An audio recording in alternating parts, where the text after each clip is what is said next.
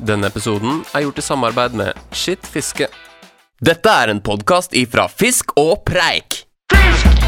Se der, det vaker masse. Grisedeilig! Det er, det er noe annet enn i Norge. ikke sant? Her er en liten fisk. Det er en fisk under to kilo. Fisk! Det var mer gress enn vann. Fjerde gang han tok, så satt han på i to sekunder.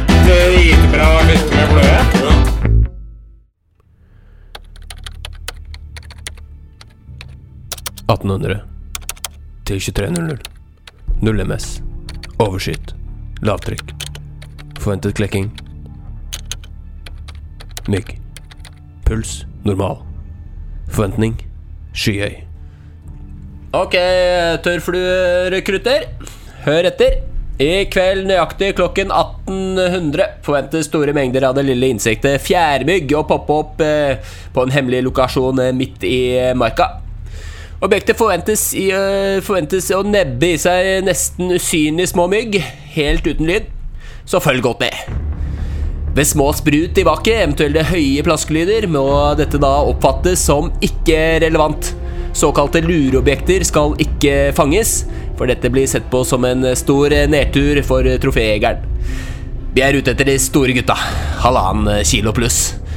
Svær fisk, usynlig små bak. Jævlig sexy. Det er å regne med krokstørrelse 20 og nedover, særdeles vanskelig. Fra 20.00 og utover kan vi regne med små vakeringer, eller såkalte bøssevak. Kun det dyktigste av oss vil mestre oppgaven i å fange objektet.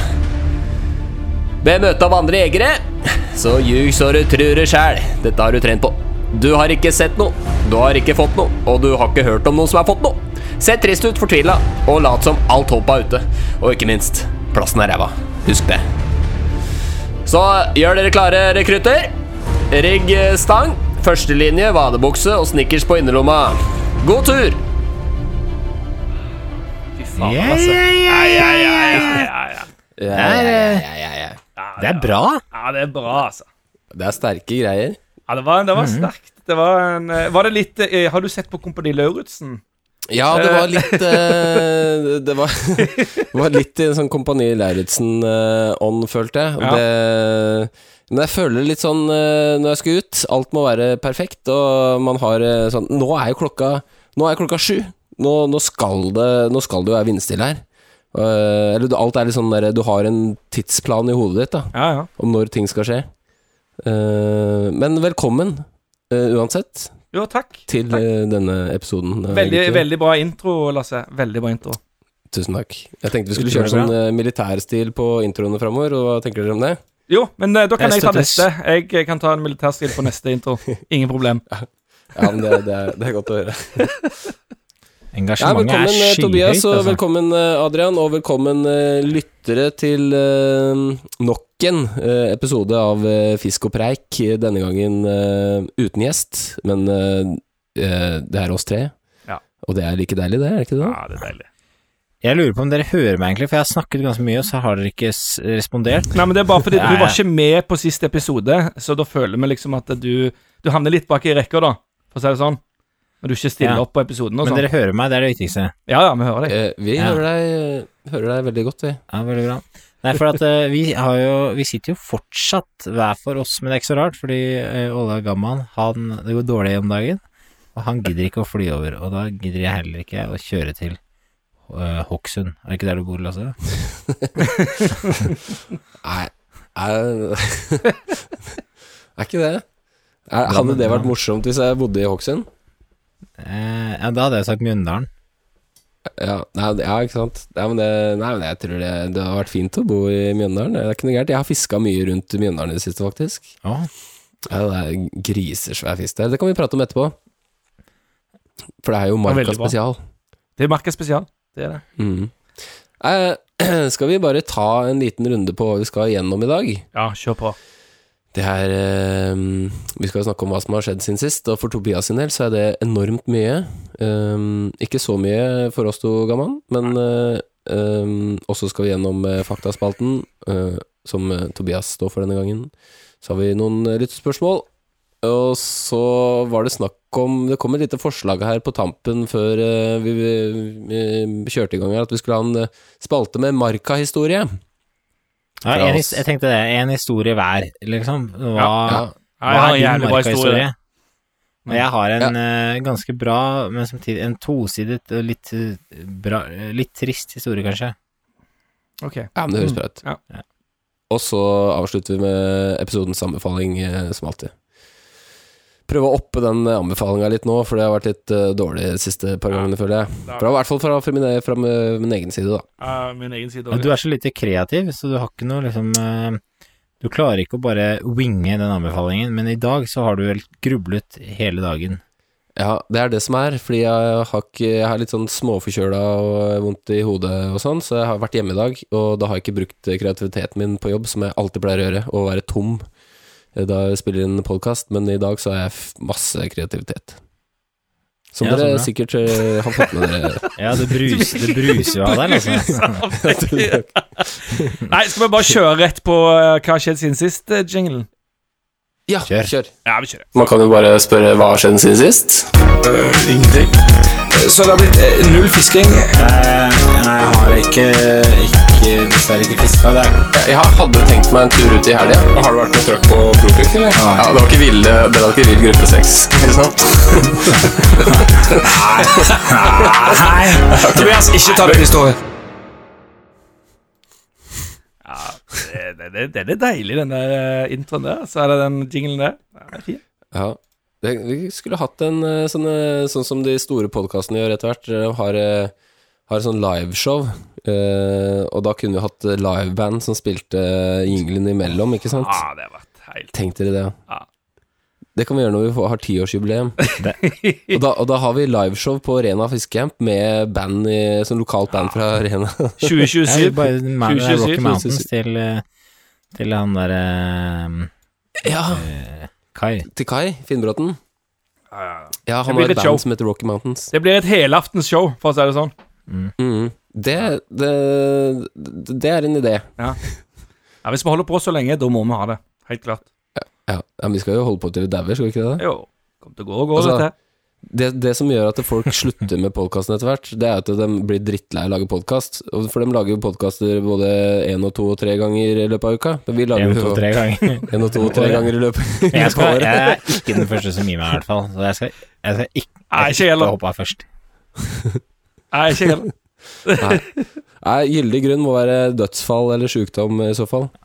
Ja. Eller eh, Det blir veldig spennende å se når Tobias får barn, eh, for han er så jækla eplekjekk, føler jeg, på tid og sted og rom og alt sånn. Og man får en helt annet eh, respekt da for tid, spesielt eh, når man får, eh, får unger, føler jeg. Uh, Ja, helt klart. så, så om eh, Tobias har tid til å drive med podkast når han får unger, hvis du får det en gang, Tobias Så eh, det, det kan også være en gyldig grunn, i så fall. Det kan det, helt klart. Skal vi kjøre i gang, eller? Jeg, jeg kan begynne, jeg, for jeg har ikke så jækla mye å si. Men jeg, det er en kjempestart. ja. um, har jeg fiska siden sist? Ja. Har jeg fiska med fluestang? Nei. Jeg har fiska med Snoopy-stanger til kidsa mine. Kasta ut og latt de dra inn. Jeg syns det her er hver gang. Ja. Ja, det er det. Men hva har skjedd siden sist utenom det? Jeg har jo blitt far igjen. Hæ? Ja, det, Serr? det, det, det, er, Ja, det Ja, Ja, ja ja, det er- faen. Nummer tre. Nummer Nå, er du, nå er det likt mellom deg og Holmes. Og veldig mange Ja, andre i Norge. er. Men du er, du er høyt oppe på statistikken. da. Det er ikke mange til før du går på er, hvor det er pallplass, gammel.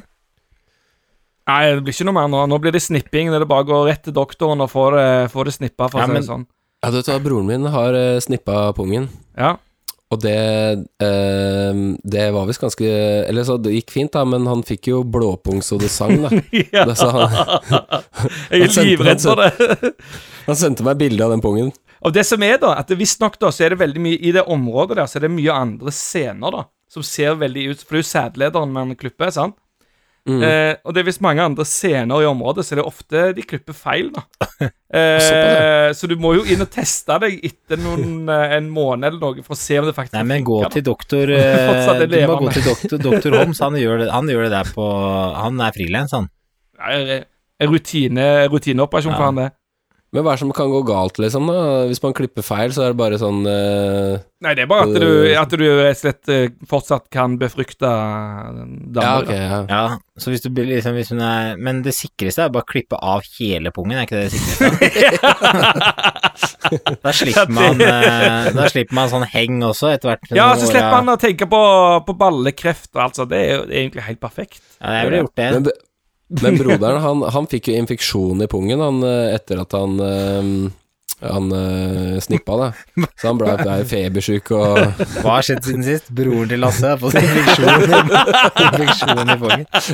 Nei, men Gamman, du tar jo bare og setter en sånn setter en sånn svær Trenger kanskje ikke være så svær, en sånn strips. Ja. Eh, rundt pungen og strup igjen, eh, og Ja, da Du har sett på Clarksons Farm, hører jeg.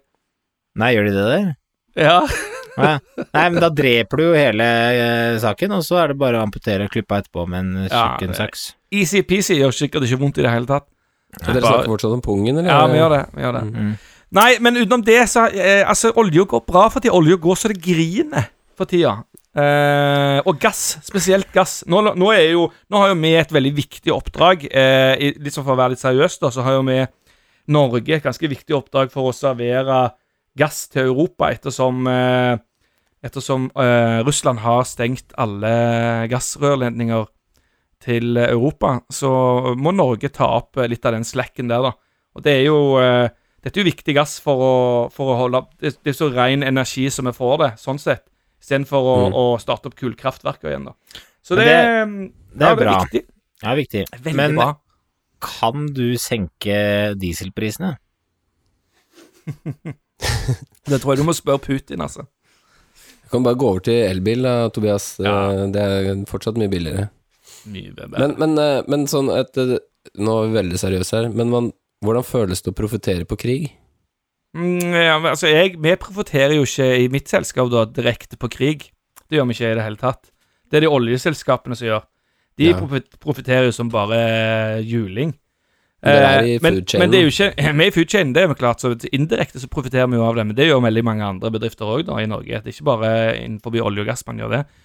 Men eh, på en måte så er det jo ikke vi som styrer olje- og gassprisene. Det er ikke vi profitterer ikke direkte av krigen heller, i den forstand at eh, vi eh, eh, vi, har jo ikke lagt opp til en krig der, der, der, der vi skal tjene penger. Det er jo fordi Altså, oljeprisen stiger, og gassprisen stiger fordi det, det er så lite tilførsel av gass. sant? Fordi Russland hadde så stor andel i eh, Europa som de leverte til. Sånn det er er, det. Slik, eh, det er sånn eh, markedsliberalismen Sånn fungerer. er det det funker. Og hvis Sånn man har lyst til å gå på den kommunistiske vei, så ser du hvordan det går. Ja. Nei, men, Nei, men du, det- har, eh, du har solgt gass og ikke fiska, da. Det er det du sier, Gamman. Jeg har solgt gass og lagd mye gass og ikke fiska. Lagd barn, har du gjort også. Ja, det, Og nå skal ja, det det, det, er, det, er, det er bra greier. ja, bra. Men jeg mener det helt seriøst. Altså, det er eh, Jeg har øvd meg ganske mye på sutur um, for å operere fisk, og jeg har ikke fått praktisert noe særlig. Men eh, Men Kristoffer, han har jo lokalbedøvelse liggende, og jeg og øyne, gode Nå snakker du om eh, legekompisen din, Kristoffer. Ja, eh, og han, eh, han eh, gjør jo frilans, så jeg, hvis du booker Jeg og han kan ta det oppdraget ganske billig, for da får jeg trening, og så um, får du gjort jobben da uten å stikke på noe sånn eh, sykehus, for det ganske kan være ganske sånn klaustrofobisk å ligge inne på en sånn operasjonssal, da. Vi gjør det hjemme hos deg med en øl i hånda, liksom. Det er dritstemning, da. Og så fisker vi litt sjøørret etterpå. Bare siste sånn eh, punge med, med broderen, for han, eh, han, måtte ikke, han måtte ikke ligge på sjukehus, men han fikk, eh, han fikk skriv fra legen, og der sto det Pasienten trenger ro og godt med søvn, og mm, alkohol må serveres på Kalt. sofaen. Altså må, må Nei, altså alkohol må serveres Ja. eh, eh, til han på sofaen, da. Ja. eh, der han sitter. Det var veldig gamet av legen å skrive. Ja. Tommel opp for den legen der, altså. Mm. Var det fismenn? Kunne vært det, men jeg tror ikke det var det. Nei. Var ikke det. Tobias, har det skjedd noe i livet ditt, eller? Eh, ja, snøen har smelta, og isen er gått. Ja, hvordan har det gått med isprosjektet ditt? Det snakka du om i forrige pod, tror jeg. Ja, hva var, hva var det for noe? Ja, Du sa det at når påske kom, så skulle du sette deg ned med en jekke, en kald en, bore et hull og sitte der og bare dra opp eh, kilosrøya etter kilosrøya. Ja, Det gjorde jeg, og det fungerte. Den planen ble gjennomført. Eh, ble det kilosrøya. alt gikk etter planen, bortsett fra at det kom veldig lite opp av hullet. Det var utrolig mm, Det var utrolig mye vind, så jeg satt der, og så bora du hullet, og så var det, tok det ti minutter, og så kom det sånn drivsnø og tetta hullet. Så det var, eh, det var en kamp å holde hullet rent, og holde kontakt med agnet Mor Mishkan. Så du bør også følge med på eh, hvor mange MS det er eh, under isfiske, rett og slett. Ja, det som er litt fordelen med isfiske eh, og vind, er jo at du alltid kan, siden du ikke eh, kaster så mye, så eh, kan du alltid sette deg med vinden i ryggen. Det er triks, da. Det jeg ser noen som Ja, sitter med ja, vinden i fjeset og liksom sitter og hutrer. Tenker jeg, du er ikke den salteste peanøtten i posen. Snu deg rundt, så får du vind i ryggen. Kjempelurt. Det er tips, da. Det er dagens eh, anbefaling, faktisk. Men de er kanskje veldig gode til å kaste, de som uh, har vinden rett i trynet. Ja, da. det er uh, Nei, men uh, det var Jeg fiska ganske hardt, faktisk. Jeg tro det eller ei, i, i to dager, og fikk ikke en, en eneste fisk. Så det var en skikkelig, en skikkelig nedtur. Men det er jo Men du må jo fiske på, på de feil plassene. Nei, men det som var så rart, det var at Bora over hele vannet Faen, det var ikke Jeg, jeg tror ikke de, de var ikke på spiseren. Eh, Det var mer trening enn fisking. Ja. Men eh, ja. nå er isen Nå er isen gått, og jeg har jo fått Jeg fikk jo første ørret på tørt i april eh, her oppe i Lillehammer, da. På en uh, steinflueimitasjon i elv. Ja, Det ja, det, det, du snappa det. Du ja. snappa det. Så jeg har fiska, og så har jeg vært ute Jeg var på et sånn uh, hemmeligvann uh, her i forrige uke, og hadde egentlig ganske lave forventninger og ligger jo høyt over havet, og isen akkurat gått, og så Men så, så plutselig så ble det vindstille, vet du. Null MS i kanskje en halvtimes tid. Og da, da, da bare Da satt fjærmyggen på vannet, og det ble vakbonanza. Ja, det er deilig. Ja, og jeg bare tenkte wow, shit, dette hadde jeg ikke forventet i det hele tatt. Jeg kanskje tenkte at hvis jeg ser et par vak og får én mulighet, så har jeg Så skal jeg være fornøyd, men det var bare Det var bare sjanse Det ble så mye at du ble eh, litt sånn frustrert. For fisken, den Det var mye fjærmygg, men fisken vaka ikke som Det var veldig mange fisk som vaka, ganske sjeldent, ikke sant, så det vaket litt overalt hele tiden. Det var ingen fisk som gikk sånn, liksom. gikk sånn veldig Jeg hadde en sånn veldig sånn fast rute og vaka mange ganger etter hverandre, og det ble, Mm. ble jo til at du kasta overalt hele tida. Så det var utrolig, utrolig vanskelig, men det var veldig gøy å se, se litt nebb, da. Og Ja, Var det svær fisk òg, eller? Er det bra? bra, ja, bra, det bra, er eh, Jeg vil ikke si at to kilo er vanlig, men det er ikke uvanlig. Oi, oi, oi. Men kilos Er det røye eller ørret? Nei, det er ure, ja.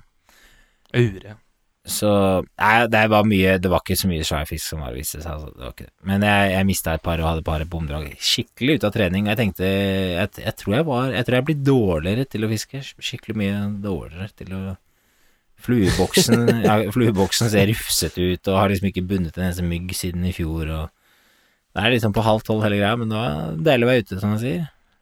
Men er det ikke rart? Man får seg skikkelig på trynet hver vår med sånn myggfiske. At man bare Fader, får jeg ikke Får jeg ikke bindt mindre med insekter? Ja. Altid, alt, alt, alt, Bare alt, alt er for stort. Men jeg har gitt opp det der å imitere insekter, for sånn som nå, utrolig mye mygg i krok eh, 18, da, og det er jo ikke så smått, egentlig. Men jeg, eh, altså, men jeg orker ikke å fiske med det, for jeg ser jo ikke flua. Men jeg har jo jeg har ørneblikk, men jeg kaster så langt. men jeg, kaster Det er er så bra at du liksom klarer å få ut at du, du må ha briller, men du sier at du har ørneblikk Ja. og kaster så langt. Men, eh, men fisken vaker så langt ut, og akkurat det er veldig spesielt på det vannet, for det er litt sånn rart lys der, så det er umulig å se flua. på 30 meter pluss er det umulig å se flua. Så det ble Ja, du må jo bare tippe, tippe, tippe hvor han tar den, da. Ja, Nei da, men jeg har i hvert fall eh, så, Men nå har jeg egentlig Nå har jeg fått gått til anskaffelse av et nytt uh, snøre. Et uh, Scientific Anglers sånn uh, sonar-snøre som er tredelt, som er Hoover i starten. Og så er det uh, Sync 2 i midten. Og så er det Sync 4 i tuppen. Og det er egentlig en line jeg har tenkt å bruke til havabbor, for den er veldig fin å fiske av marebakker og sånn med. Men eh, Ja. nå fikk jeg akkurat bellybåten min tilbake, eh, som jeg ikke visste at jeg hadde lånt bort. Men den fikk jeg tilbake her nå, og nå til helgen er det meldt litt sånn rufsete Litt rufsete vær, men ikke sånn helt håpløst. Jeg tenkte, lurte på om jeg skulle sette meg i belly ute på Mjøsa med denne lina og bare gi det et lite siste forsøk, da. Sitte der, hvis, vi, bare, hvis jeg sitter der i ti. Hvis jeg sitter ute på Mjøsa der i belly i ti timer med synk, det må jo smelle på et eller annet. Ja, det, det, er- det er ikke det dummeste ideen, og, og du Hvis du begynner å miste trua etter hvert, eh, så, så går det faktisk an å bare dorge med Bellin. Da får du deg en god treningsøkt samtidig, vet Ja, jeg kommer til å krysse med seg et par ganger, tenker jeg. Det er ikke så bredt der oppe, vet du. Nei, nei, Så kanskje jeg må gjøre det. nei, det er Men jeg har fått tre Ja. kilos ørret på bellydorg før, og det er ikke så fett. Du, du var med til og Nei, med, du, Lasse. jeg, var- jeg var med, jeg. det var en ganske kry kar eh, som, som eh, fikk den fisken, da. Men eh, jeg hadde vært kry sjøl. Det nytter ikke, Det det ikke å si sånn herre Ja, jeg bare skulle jeg bare, Det bare hang ute mens jeg flytta meg til neste plass, liksom. Det var, det var målretta bellydorging, for jeg orka ikke å kaste mer. Og, men du blir sliten etter hvert, ja, da. det er kred. Så kred for at du gadd. Takk. Ja, Du da, Lasse, hva skjedde siden sist hos deg? Ah, det, er, det er så mye fiskerelatert. Vet. Eh, Etter at jeg flytta til Drammen, så har jeg på en måte bare mulighetene åpna seg i hytte og gevær. Det er så mange muligheter. Jeg kan begynne med, med mm, Rett etter forrige pod så var det vel den der sjøørretkonkurransen i Tønsberg. Ja, den gikk bra. Som uh, eh, Ja. eh, var eh, Ja, det er vel andre året eller, eller tredje året eller sånn jeg. Vi er en liten sånn gjeng som har vært med da. Nå har det, vært, har vært, har det ikke vært av covid, da. Men eh, i hvert fall så var jeg med i år, og Og mm, det var jo nordavind og kaldt, og ja, sånn typisk sånn absolutt vær du ikke vil ha, da. Eh, Så vi, vi, fiska ikke så veldig hardt, men vi, vi fikk, Peter fikk en fisk eh, første dagen på 500 gram eller sånn, da. Og det var liksom, ja ja, da, da er det muligheter, Altså, vi, vi hadde litt trua, men så Det, det, det, bare, det bare var helt dødt, da. Uh, hele helga. Uh, det, var, det var vel det eneste. Jeg hadde vel ett eller to lugg. Um, og så kom vi til uh, premieutdelinga, for der er det, det er litt morsomt å følge med på, eller få med seg hva folk har fått, da. For de var litt sånn hemmelighetsfulle på de oppdateringene de sendte ut underveis. Og da var det viste det seg at det hadde bare blitt tatt syv fisk på Det var vel 200 mann eller sånn som hadde vært med på konkurransen. Eh, og den, eh, altså det blei ikke delt ut noe femte- og fjerdeplass eh, på, i flueklassen. Eller jeg tror faktisk ikke tredjeplass heller, men andre- og førsteplass, da. og det var andreplassen var en sånn der 800 grammer eller noe sånt. Også, men førsteplassen var faktisk en fin eh, fisk på 1,9, da. Men det var, det, var, det var det, liksom. Som ble tatt, det var det som ble tatt. Men eh, sier det noe om uh, Sier det noe om hvor ræva folk er til å fiske? Eller er det forholdene, eller er det bare blitt jævlig dårlig? Det, ja, det er et godt spørsmål. Jeg, jeg, jeg mistenker jo at det var kanskje forholda som som var litt eh, ødeleggende, da, når det er så mange fiskere. Og det var jo ikke bare spin, nei, fluefiskere, for det her var jo inkludert spinnfiskere. Det var sikkert flere spinnfiskere også. Og der ble det tatt tre fisk eller noe sånt. Ja. Eh, så ja, det er Jeg tror ikke det Altså er det Hvis det er gode forhold, da. Ja, men det, altså, det, sier, det sier litt da, når du får trua når, av en femhektos, liksom. Etter åtte timer i Ja, raderne, men- så er det sånn Å, en femhektos, det er kjempe, kjempetrua. Hadde holdt til fjerdeplass, ikke sant, i tredjeplass i, i Ja, det, det, det er ganske trist, faktisk. Men eh, så nå var det noe. Men altså, så kan man jo dra ned helga etterpå, så får man jo fem fisk, da, ikke sant? Eh, som på rappen. Så det, er vanskelig å si hvorfor. Men det, det var nok det, det var nok det og lav vannstand eh, Altså, det var alt, alt som ikke skal være, var dårlig, på en måte. Så um, spesielt. Men um, Og så har jo um, våren kommet. Det er deilig. Og Så ja, alltid om våren så er det digg å ta seg en joggetur, og så da har jeg jogga litt i området her, så har jeg funnet en liten sånn inntaksdam oppå Konnerud her, Uh, som jeg jogga forbi, og da, der tror du ikke det vaka. uh, Du har blitt sånn urban fisher, du. Ja, eh, eh, så jeg har vært og sykla opp der et par-tre ganger, da. Men da har ikke vaka de gangene jeg har sykla opp. Så, så det har vært litt sånne små Man kan kalle det fisketurer, men jeg har prøvd å fiske, da, men det har ikke gitt noe uttelling. Eh, men de siste par ukene, da, så, så, så har det jo vært litt eh, Det har jo blitt varmere vann og sånn, så da, da har jeg stikket i det superhemmelige Hagatjern, Ja. som er eh, i Det Mjøndalen. hemmelig. Det er Altså, man, jeg har ikke fiska der før, da, men eh, Sitter du i bellybåt, eller? Det er sånn belly, typisk bellyvann, da. Ja. Um, da har, har dere hørt om Ja, ja. det? Er? Tobias har hørt om det? Ja, Ja. jeg har hørt om det. Alle har hørt om Hagatjern. Men uh, og det jeg har hø- hørt Er det ikke tidligere, er hagen til han der Cato Cato Donkeyboy Cato? Nei, det er det ikke. Han bor i Drammen. Det her er i Mjøndalen. Ja. Um, men ikke sant, uh, alle har hørt at det er et uh, vann der de liksom setter stor fisk, og det er liksom Det er, det er litt spesielt. Ja. det er liksom put and take-feeling.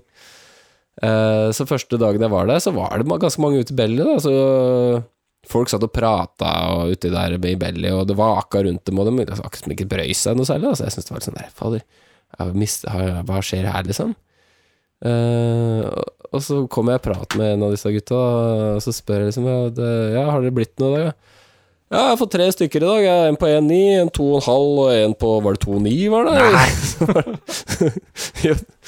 uh, så det det, og det var jo Må jo være Altså Han hadde jo I hvert fall det området hadde de satt fisk for bare noen få dager siden, så det virker som noen som fisker litt på de settefiskene der, da, som akkurat har satt, som er så store. Eh, og det, det er litt uvant, uh, må jeg innrømme, og på en måte uh, Ja, jeg vet ikke, jeg har ikke helt bestemt meg for hva jeg, hva jeg tenker om det. Vi fisker jo på settefisk i marka overalt, men de her er jo De setter jo fisk som er veldig stor, da. Men du fikk en kilo, tror du ikke? Jo da, jeg fikk en, fikk en sånn på 1,2, men den, det var, den var ikke så tjukk, så den hadde nok svømt der en sesong eller to. Eh, Den var sånn sølvblank. Det var en fin fisk, da. Så um, jeg har vært et par turer oppe bare sånn på kvelden, bare fordi jeg ikke klarer å la være. Men er det, er det Men du, du må ikke dra dit, Lasse, for du blir ødelagt, vet du, ikke sant. Så får du en på 2,9 der, da, og så er det Så begynner du å tenke sånn Er det så farlig at det er satt? Er det så viktig at det er settefisk? Og så, og så, og så hvorfor Hvorfor skal, jeg, hvorfor, skal jeg, hvorfor skal jeg slite med å sykle opp i marka for en femhektos når jeg kan bare kjøsette bellyen her rett fra bilen og få på tre kilo, ikke sant? Må ikke, må Ja, ikke, må ikke utsette deg, må ikke sette deg i den situasjonen. Nei, det er Jeg har begynt å bli litt sånn Det er litt sånn eh, Det, det, det er noen um, konflikter oppi huet her. uh, Så Men så, så glemmer du det litt òg. Det er det som er litt skummelt. Plutselig Å, se på den halen der! Åh, det er Det er fake! Også, Det er tull, bare. Ja, det er akkurat det Ja. der, vet du. Så slutt. Uh, så, men det, kan, det er det jo, ikke sant. Uh, I Nordmarka. Det er jo 90 av vannet der hadde jo ikke vært fiske hvis ikke man ikke hadde satt fisk. Nei, men uh, Bare at den fisken er 300 fisk gram. et Da. sted hvor det er naturlig Eh, rekruttering. Det er jeg helt enig i. Det er det beste. Og det, det, det, gjør, gjør jeg jo. Men det er ikke så mange steder som det er det, da. Det er jo mange steder. ja. Og i går, vet du. I går, Jeg var ute en tur i går. Sånn, tok en sånn bare liten sånn, Tok bare en sånn liten glass Til sin. til Er Bellin, du, du, du, du tar ikke ut luften Du tar ikke ut luften av Bellin. den bare, den bare ligger pumpa på taket på Teslaen. Jeg skulle gjerne hatt den på taket på Tesla. Men, eh, men eh, jeg skammer meg litt når jeg prater om det her, da. Men i går I går så sto jeg der, da, og, og så skjedde det ingenting. Det, jeg, sett, jeg så ikke ett eneste vak. Så, så sto jeg Det er en liten sånn strand der da, som er fin å kaste ved. Så, og så sto jeg der bare og kasta litt, da, eh, på ko kosekasta. Og, og så jeg har jeg stått der et kvarter 20 minutter og tenkte nei, fuck det her, nå, nå stikker jeg. Og så hadde jeg på en maur. Og du vet når du kaster ut en maur, og så sveiver du den, så får du en sånn fin plog. Ja, bæreplogen, ja. Som, Stripemaur. eh, Ja, stripemauren. Og da uh, Altså, da kom det verdens største fisk. Etter den flua. Altså, den var sikkert 2,5-3 kilo, og som var bare så dritsvær. Rett ved beina mine. Han tok ikke, da. Men han var så, så stor, da. Og da men det verste, jeg fikk skjelven. Er bare Fytti helsike, på stor fisk. Hva skjer her, liksom? Nei, får nei, jeg vet ikke. Det er ikke sunt. Jeg vil ikke har en anbefale utfordring folk å stikke utfordring til deg, og det er å ikke fiske der når det er vulgata der. Ja, det Altså, de har, de har, jeg har litt lyst til å bare oppleve det en gang. Du er jo som eh, Det er som en, sånn, det er som en eh, heroinmisbruker, Ja, er liksom. Sånn, Det er sånn- sånn Jeg skal bare det én siste Du gang. gjør det altfor En for siste deg gang. sjøl. Du må gi deg. Ja, nei, jeg, ja men jeg, jeg, det er litt sånn eh, oppi huet mitt at jeg, jeg argumenterer med at Ja, men du, du er småbarnspappa, du har dårlig tid. Her er det bare Stikk ut, kos deg. Det er, svær, det er helt tullete, men bare ta deg Du har to-tre timer nå. Da bare stikk dit, liksom. Eller så kan du stikke og sjekke ut et eller annet uh, pissvann inni marka. Det, det, da blir plutselig bare Jeg skjønner dilemmaet. Ja, det er vanskelig. Men jeg skal si jeg sjekka ut et annet vann i går, da. Jeg gjorde faktisk det før jeg var bortpå den, eller så den store fisken. Før du dro til Hagatjern. Ja, det var rett ved Hagatjern. og der var det kjempemasse småfisk. Så da, og da ble jeg ble litt sånn sinna. Fader, skal ikke være småfisk her. Det skal, de, de som holder på her, skal bare sette storfisk. Eh, nei, jeg veit ikke hva jeg skal gjøre. Jeg må, jeg må, jeg må, jeg må, jeg må Hva skal jeg gjøre? Uh, det er litt vanskelig, faktisk.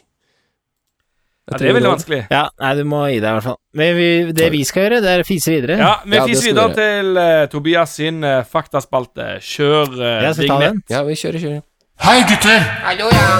Visste du at fisk primært er vannlevende virveldyr med gjeller og finner istedenfor ben? Ja, det er for eksempel gruppene bruskfisker, kvastfinnefisker, lungefisker, njøyer, slimåler og strålefinnede fisker. Ja, morsomt, ikke sant? Morsomt. Tobias sin faktaspalte. Ja. Ja ja, kjære lyttere. Velkommen til nok en Tobias sin fak faktaspalte. Og velkommen til deg, Lasse og Adrian. Takk. I dag så skal jeg snakke om kongen av marka for oss fluefiskere. Og det er ikke snakk om, snakk om deg, Lasse. Stig Werner, Lars Nilsen eller Østers fra OFA-forumet, for dere som husker han. Det er heller ikke snakk om Vulgatan eller kong Elg. Jeg skal snakke om en skapning som alltid stiller opp, uansett tid på året, så lenge det er isfritt, vel å merke, og værforhold, og værforhold er på plass. Som regel fungerer han som moralsk støtte ved å klatre opp på oss for å vise oss at det faktisk er liv, at det er håp, selv om fisken ikke er på spiseren. Men forbausende ofte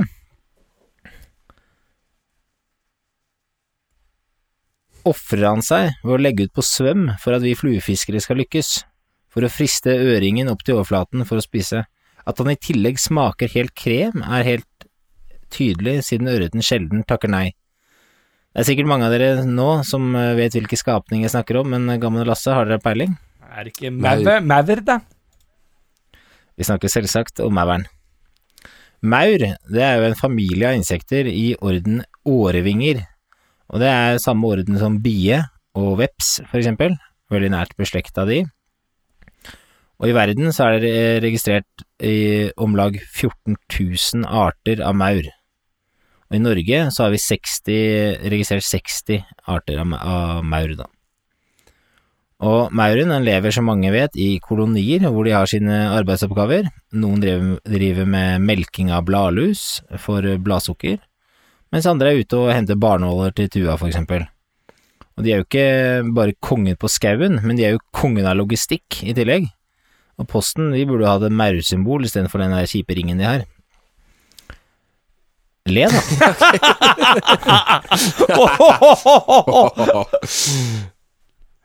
Normalt uh, har en maurart tre kaster, hanner, hunder og arbeidere. Som er,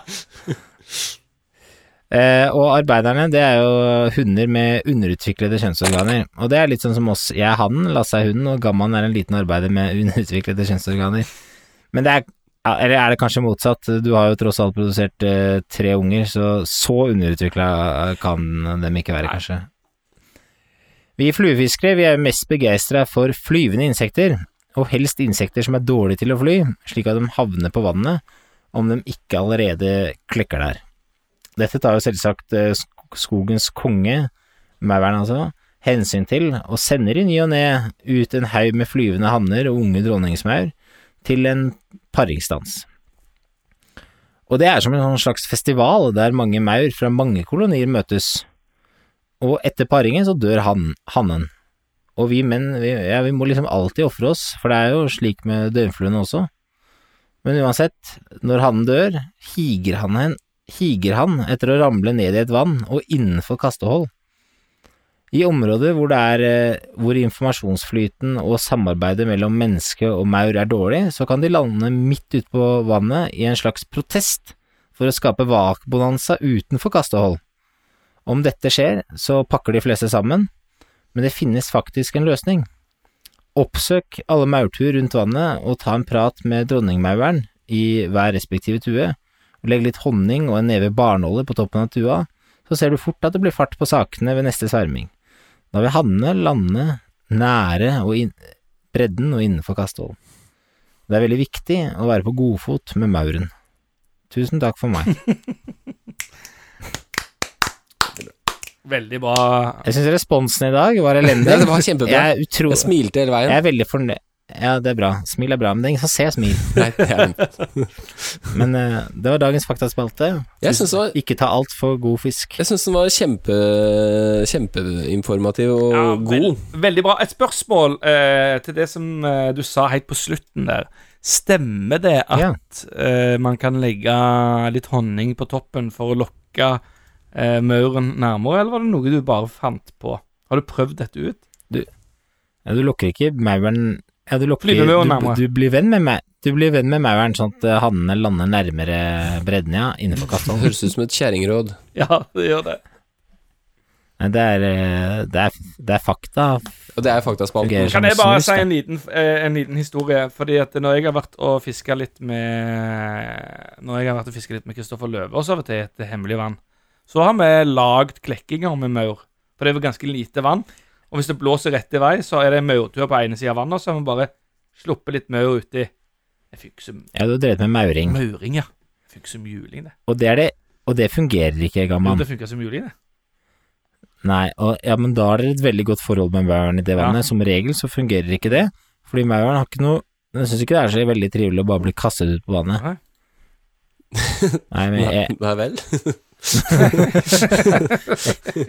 jeg har aldri fått det til å fungere, i hvert fall. Jeg har prøvd det også, jeg har blitt skikkelig uvenn, og de, de vannene kan jeg ikke dra tilbake til. Men er, er det noen av dere som er øh, øh, skikkelig gode på på maur, holdt jeg på å si. Fordi i marka så er det jo ofte sånn at det, det svermer jo ikke bare én maurtype i løpet av sesongen. Det er jo, det er jo ofte da er maur på vannet med vinger. Uh, tidlig gjerne litt små, og så når, det blir skikkelig varmt ute i juni-juli, så kan du fort få de der stokkmaurene som alle prater om, som aldri noen ser utenom når de ligger på vannet. Uh, mm. Hvor mange maurtyper er det egentlig?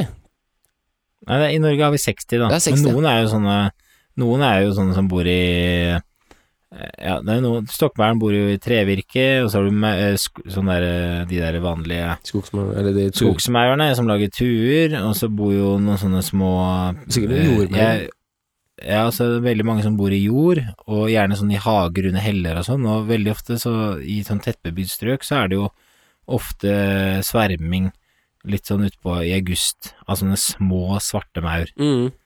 Men det er ikke sikkert du finner de i samme grad i skauen, tror jeg. Nei, nei, for det er eh, Men jeg har ikke skjønt det, fordi noen maur, de, de blir jo født med vinger, tror jeg. I hvert fall vingeanlegg. Men jeg, jeg var i skauen nå forleden, og da så jeg plutselig en vingemaur. mm. Og det her det har jo ikke vært varmt engang. Nei, det er det, det har jeg også sett uh, vingemaur eh, allerede den uka som har gått. Og det, uh, og det gjør man jo egentlig hver sesong, men jeg skjønner liksom ikke Det er ikke noe system Det er ikke noe system på Jo da, det er bare det at det- det er noen som er litt tidligere ute enn andre, eh, og som er litt eh, ekstra på Jeg har lyst, lyst til å komme i gang med denne paringsdansen, og, og nå, nå må vi kjøre, gutta, og så er ikke alle andre klare, da. Ja, så er det veldig mye De snakk om eh, varme i tunet. At det må ha en viss temperatur. Ja. jeg traff en kar på, på, på skauen, eller Hagatjern, som vi sier. Eller du sier skauen her. I hvert fall, eh, han sa at han hadde vært oppe i Nordmarka, og så hadde de eh, kappa så mye trær eh, rundt Nordvannet, da. Eh, uh, I løpet av vinteren eller våres eller noe sånt. Så, og da var det noen tuer som ble stående med, med I sola. rett i sola Ja. og blitt varma opp tydelig. Han, hvert fall hans teori var at det, de sverma For det var masse maur, og så da var teorien sånn at de sverma opp fordi tuene var mye mer eksponert for sol da eh, enn det de var tidligere. Så et triks der for Ja. å vite om det er bra i marka, det er jo å finne ut den temperaturen de svermer på. Sette en eller annen trådløs device med en eh, med sånn temperaturmåler eh, Ja. i, inn, i, inn i den eh, maurtua som står med det vannet. Perfekt. Ja, hvis temperaturen har noe med det å et- gjøre. Ja, temperaturen har helt sikkert noe med det å gjøre, men temperaturen kan jo si at temperaturen har noe med døgnflueklekkinger å gjøre også. Mm. Men jeg tror ikke at Altså, temperaturen har som regel noe eh, Har ganske mye å si i eh, hos insekter, da. De er jo vekselvarme dyr, ikke sant. Men jeg tror ikke at det nødvendigvis det er sånn at det, i en, idet en elv når seks grader eller sju grader, så begynner det å klekke på Etis rodani. Jeg tror det handler om at de trenger en Tror du ikke det? At de trenger liksom en, en visst antall døgngrader Ja, før de jeg tror nok det er, de- nok de det er liksom døgngrader du må på, men jeg tror nok at du Ja. fortsatt kunne ha Fordi at du kom, Si du kommer til ei elv, da, så er det alltid sånn «Ah, Det er jo perfekte forhold. Hvorfor klekker det ikke nå? Men så måler du gjerne ikke temperaturen i vannet, da. Mm. Men hvis du hadde hatt en konstant måling Ja, nå har det vært seks grader i vannet nå i fem dager, liksom. Da, ja, 30 vet- da døgngrader. Ja. Da vet vi det Ja, altså jeg tror det er noe Jeg tror det er noe å si, liksom, at de må Modnes. Ja, modnes litt, ja, liksom, for å bli klare. Men hvis det er noen som har en sånn der svermingskalender, eh, maursvermekalender i marka, det hadde vært litt interessant å sett, eller fått, uh, fått tak i. Ja. Sett når sånn cirka de forskjellige artene svermer. Da. Ja, men det som er så fint med den mauren, er at den eh, den, fun den fisker jo bra uansett. Ja, den gjør det, vet du. Om det svermer har ikke. det er, Har dere opplevd eh, stokkmaursverming? De største stokkmaurene? det er ingen som har opplevd det, bare de på skauen som snakker om det. Ja, jeg, jeg opplevde det én gang. Ja, da var jeg på skauen. Men de Eller haga, ikke. Men de der koloniene av stokkmaur, de tror jeg ikke er så store som Det er jo sjelden at det blir noen veldig mengder av de st- stokkmaurene, kanskje, eller? Ja, det, altså, jeg kan fortelle om den dagen. Det, var- det, var, det var langt utpå sommeren, ute i eh, en av de første sesongene mine. Og da var jeg ute uh, Abbortjern uh, heter, heter vannet, i hvert fall. Så det var uh, Det må ha vært til slutten av juni eller juli. Det var sånn knallvarm sånn type 30 grader ute, og det blåste. Men jeg dro ut, da, av en eller annen merkelig grunn. Uh, og, og, og det skjedde ingenting, men, uh, og jeg var egentlig på vei hjem, men så var det bare som å skru på en bryter, så bare plutselig så bare lå det masse daue stokkmaurer. Jeg, tror- jeg skjønte ikke hva det var, for var, hadde aldri sett sånne maur, maur før. Kjempesvære, altså enormt store. Sånn krokstørrelse eh, seks eller åtte. Nei, så store? jo, jo, det er, altså, det er en biff, liksom. Eh, og så var det plutselig som at fisken begynte å skjønne det, og da bare sprutvaka det over hele vannet. Jeg fikk jo et par-tre fisk, men uh, det var bare hele den derre Det at de var der, det var, det var helt enormt. Det varte noen timer, og så var det borte. Og det sjuke var at det, uh, det første jeg gjorde da jeg kom hjem, var å ringe broderen, for han var også fiska mye i den perioden der. Så sa jeg du, det var stokkmaursverming. Så han bare Hos deg òg? Og han, da fiska han i Drammensmarka, og det var jo mange mil unna. Eh, så det, det var veldig rart at det var sånn på samme dag. samtidig, liksom. Ja, ja. Så det, det, jeg tror det skjer hvert år, men eh, du må liksom være der. Og det er de dagene som du ikke har trua, da, ikke sant? som det er varmest og kjipest i marka. Det er liksom en fire timer i løpet av et år at det stokkmaur eh. Ja, det har, har en halv dag på deg, liksom. Så, men det var en opplevelse, det. Men jeg, jeg, jeg, tviler på at jeg kommer til å oppleve det igjen. Fordi det, det er Eller da må det være en sånn knallvarm vår med hele mai og juni er varm, og så Nei, jeg tror, jeg tror ikke jeg har ikke nok, jeg har ikke nok timer i marka for å oppleve det, tror jeg. Altså. Men det er jo litt sånn på døgnfluene, så de, det er kanskje sånn på meg nå. De, de største døgnfluene klekker jo seinest, gjør de ikke det? Jo. Altså ikke sånn september, da, men sånn før det blir høst, på en måte. da. Eh, Gaten er jo sein. Ja, den er sein. Juni måned, i hvert fall på, på Østlandet. Spørs jo høy, høydemeteren og sånn. Eh, men det, det, det, det, kommer veldig Jeg har veldig inntrykk av at det kommer, på, kommer av temperatur der også. Jeg vet ikke om du har lagt merke til det, men de gangene som det har vært eh, vulgataklekkinger i forskjellig vann, da, så er det ikke mange dagene før de, det vannet er glovarmt. Nei, det er ofte før, rett før det blir skikkelig varmt, ja. Mm. Helt enig i det. Og det aller beste det, Altså de beste sånn klekkeforholdene jeg Eller beste sånn forholdene jeg har hatt, da. Og det er litt sånn eh, anbefaling til lytterne, på en måte. For det er Hvis du har litt koll på vanntemperatur Det står jo NVE har jo eksempel masse vanntemperaturmåler overalt. Og hvis det er god vanntemperatur, men jævlig kaldt i, i lufta, så kan du ha utrolig bra eh, Jeg har i hvert fall hatt det utrolig bra Det oppleves som utrolig, utrolig bra klekkinger, da, i forhold til hvis det er 18 grader og sol. Så det klekker sikkert like bra, men alle døgnfluene bare forsvinner av overflaten med en gang. Hvis det er fire grader og regn, Så blir de sittende. så bare De kommer seg ingen sted. De får, de får kuldesjokk idet de havner på vannfilmen. Klarer ikke å fly. Ja, det, det, ja, men det er sant, det. Og så og damper det jo veldig sånn utover kvelden veldig mye av vannet, sikkert. Det har sikkert veldig høy luftfuktighet, uansett om det regner eller ikke. Damp. Damp. Damp. Men, det. men uh, Marka Det her er jo Marka spesial. Uh, eh, skal, skal vi gå gjennom de første par månedene, hva som er viktig å få med seg? Ja, men hva bare før vi begynner med det, så lurer jeg på hva er marka? Er, når du sier marka, er det Nordmarka, eller er det bare Det er skau. Eller er det å være på skauen? Det er skauen. Det det er jo like mye marka Det er jo, det er jo akkurat det samme konseptet jo lenger nord du kommer, men eh, jeg tror jo bare inntrykket av sånn som eh, La oss si Finnmark, så, så skjer alt det her bare på noen få dager, da.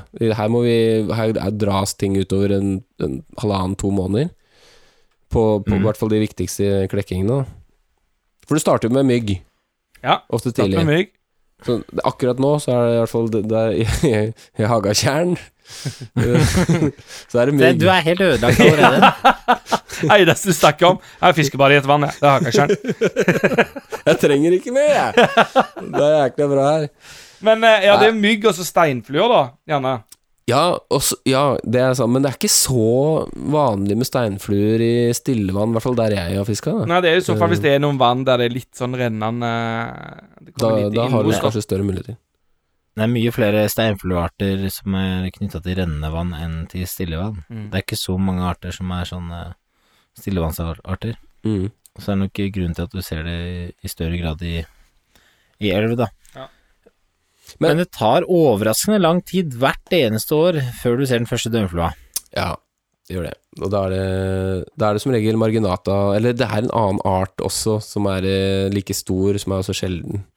Husker ikke hva den heter. jeg. Ja, men det, er, Uvesentlig. det er som regel Ja, det, som og det kommer i slutten av april hos dere. Og den kommer kanskje i midten Begynner slutten av april. Ja. Ja, den eh, jeg det, Ja, det, marginata, nei, da er jo ikke isen gått engang. i, i- Isen går som, som regel 1. mai på en vanlig sesong. Oh, ja. Ja. Hos oss så går jo aldri isen, for det, det, er, jo, det er jo aldri is. så første døgnflue kommer kanskje først, i begynnelsen av april, kan du se. De første døgnfluene popper opp. Ja, det gjør det, ja. Ja. Det er deilig. Ja, det er deilig. Hvor lang tid tar det før liksom, eh, vespertinaen eh, Ja, det er der? nå. Nå er det Vespertina-tid. nå er det ja, helt uh, crazy. Jeg får rapporter inn uh, om eh, eh, alt jeg går glipp av, for å si det sånn. Ja, Ja, fordi du har masse sånne menner som er ute og, Ja, ja. Det er rapporterer. fullt av polakker. De får ikke lov til å fiske, de må bare kikke. Ja, men, ja, men det, det er jo Da tar det cirka Da er det i hvert fall en uke før, eller to, da. Sånn cirka på Vestlandet, sikkert på Sørlandet også, før det Eller tidligere på Østlandet. Ja, fordi nå det, nå er det to uker til cirka dere skal ha vespertina. Nei, jeg, jeg tipper egentlig innen noen jeg, Det er sikkert noen vann som har begynt allerede med Vespertina, altså. Det spørs helt på, på hvor vannet ligger, høydemeter, og hvor dypt vannet er, og hvor fort det blir varmt og kaldt. Og. Ja. Det kan være så dumt som det at vannet ligger liksom At det er en ås som, eh, som skygger litt for sola, og så tar det kanskje noen dager ekstra før det blir varma Men det er jo litt deilig òg, da, fordi at eh, da kan du på en måte fiske vespertina i mange dager på rad. Hvis du finner ut av de vannene som eh, Og hvor- tid de klekker, da. Ja, det kommer alltid først. Det vannet Mm. Og så har du neste vann, og så kan du fiske. fordi at hos oss så er det Det er fem dager, da, med vespertina. Og så er det som regel ferdig. Det er, det er som regel noe, Det er noe rundt der. Det varer en uke, kanskje to, hvis du er heldig. Ja, men du må gjøre sånn som du gjør når du plukker multer. Altså, du må starte lavt der det er modent, og så må du jobbe deg oppover i høydelaget. Og det er jo litt det samme eh, på fiske, ikke sant? Ja, Ja, de, de ivrigste gutta ender jo på toppen av Jotunheimen, ikke sant, på disse fjellvannene der. Ja, det er, det er ikke kødd. Ja, og den største feilen eh, man går i, er å gå for høyt for tidlig. Men tror du at det er noe Nå snakker du om de ivrigste Vespertina-fiskegutta, eller snakker du bare om de ivrigste gutta generelt?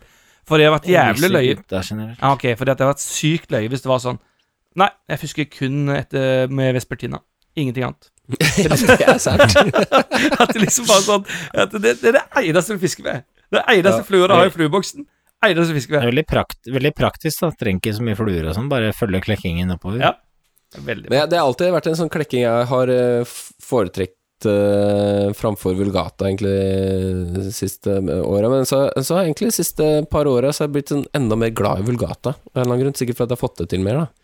Eh, men jeg, jeg, jeg inntrykk Vulgataen er litt sånn uh, uberegnelig. Vespertinaen kan du stole på, den kommer i hopetall hvert år, men vulgataen er litt sånn Kommer den egentlig? Er jeg for tidlig? Er jeg for sein? Ja, det er Hvor, sant. mange, hvor mange stiller opp i dag? Nei, det var Ja. ikke så mange. Ja, også det som er også når du fisker, fisker vulgata altså Det er dritfett hvis det klaffer, men det er sånn, hvis det er for mye av det, så blir det sånn Nå har jeg fisket nett, ja. Da vaker det ikke mer, nei. Den er grei. Nei. Det skjer ikke på Vespertina. Den, eh, Nei. Blir aldri med. Men, hvis det klekker for mye av den, uh, av Vespertina, så kan det jo fort uh, altså bli helt håpløst å få den til å ta. Ja. Hvor du må ha liksom så riktig imitasjon at det, det Ja, er det at du må ha så riktig imitasjon, eller må du bare treffe og ha jæklig flaks?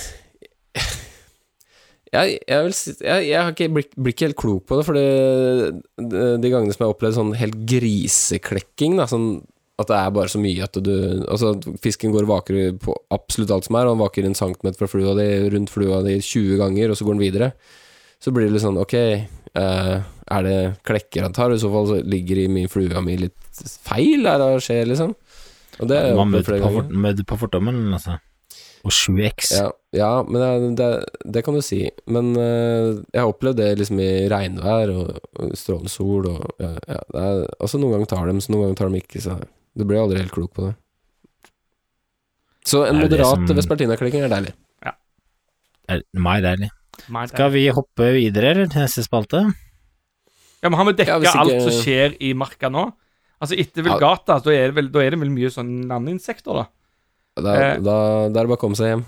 Der, ja, for da er det Jo, men jo. I juli så skal du komme deg hjem, men i august så kan du jo begynne å fiske litt Ja, da er det gøy igjen, vet du.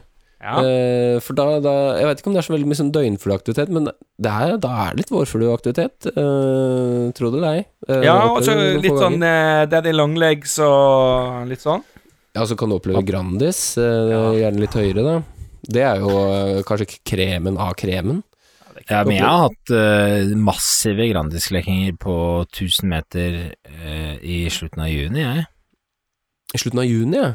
Ja, Ja. det, er, ja, nå snakker vi marka. ja, de kommer kanskje litt tidligere, de Grandisene, enn jeg tenker meg om. Uh, det er kanskje litt andre vårfluearter som dukker opp i marka, eller marka, da, eller litt høy, høyfjellsplatåer seinere, sånn type august.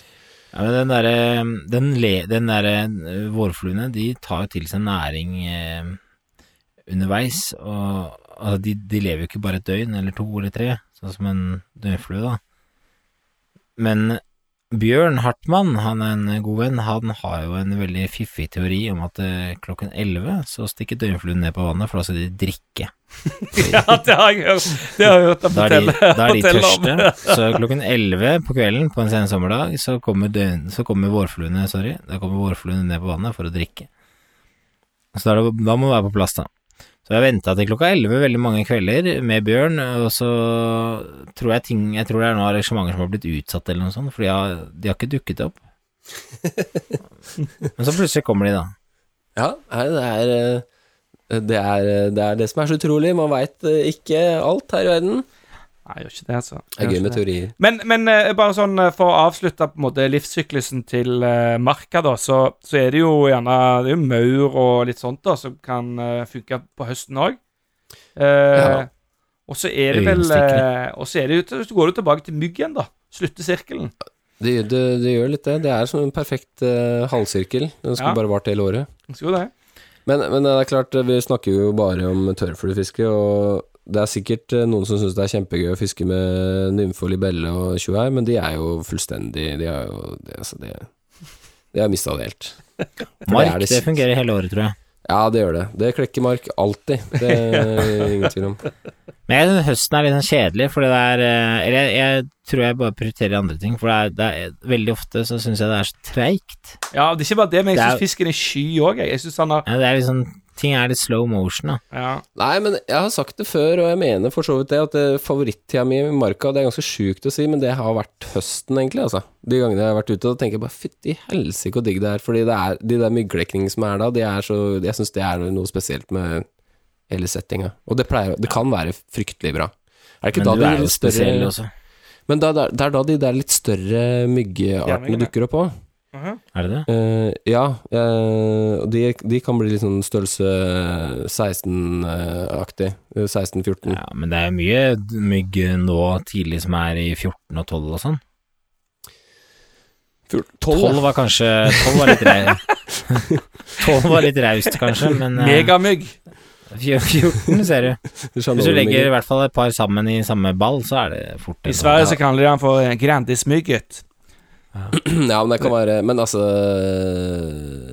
Ja. Nei, det er Men ja. Det er, alt har sin sjarm, sier jeg bare. Ja. Enig, enig. Skal vi fise videre til neste spalte, eller?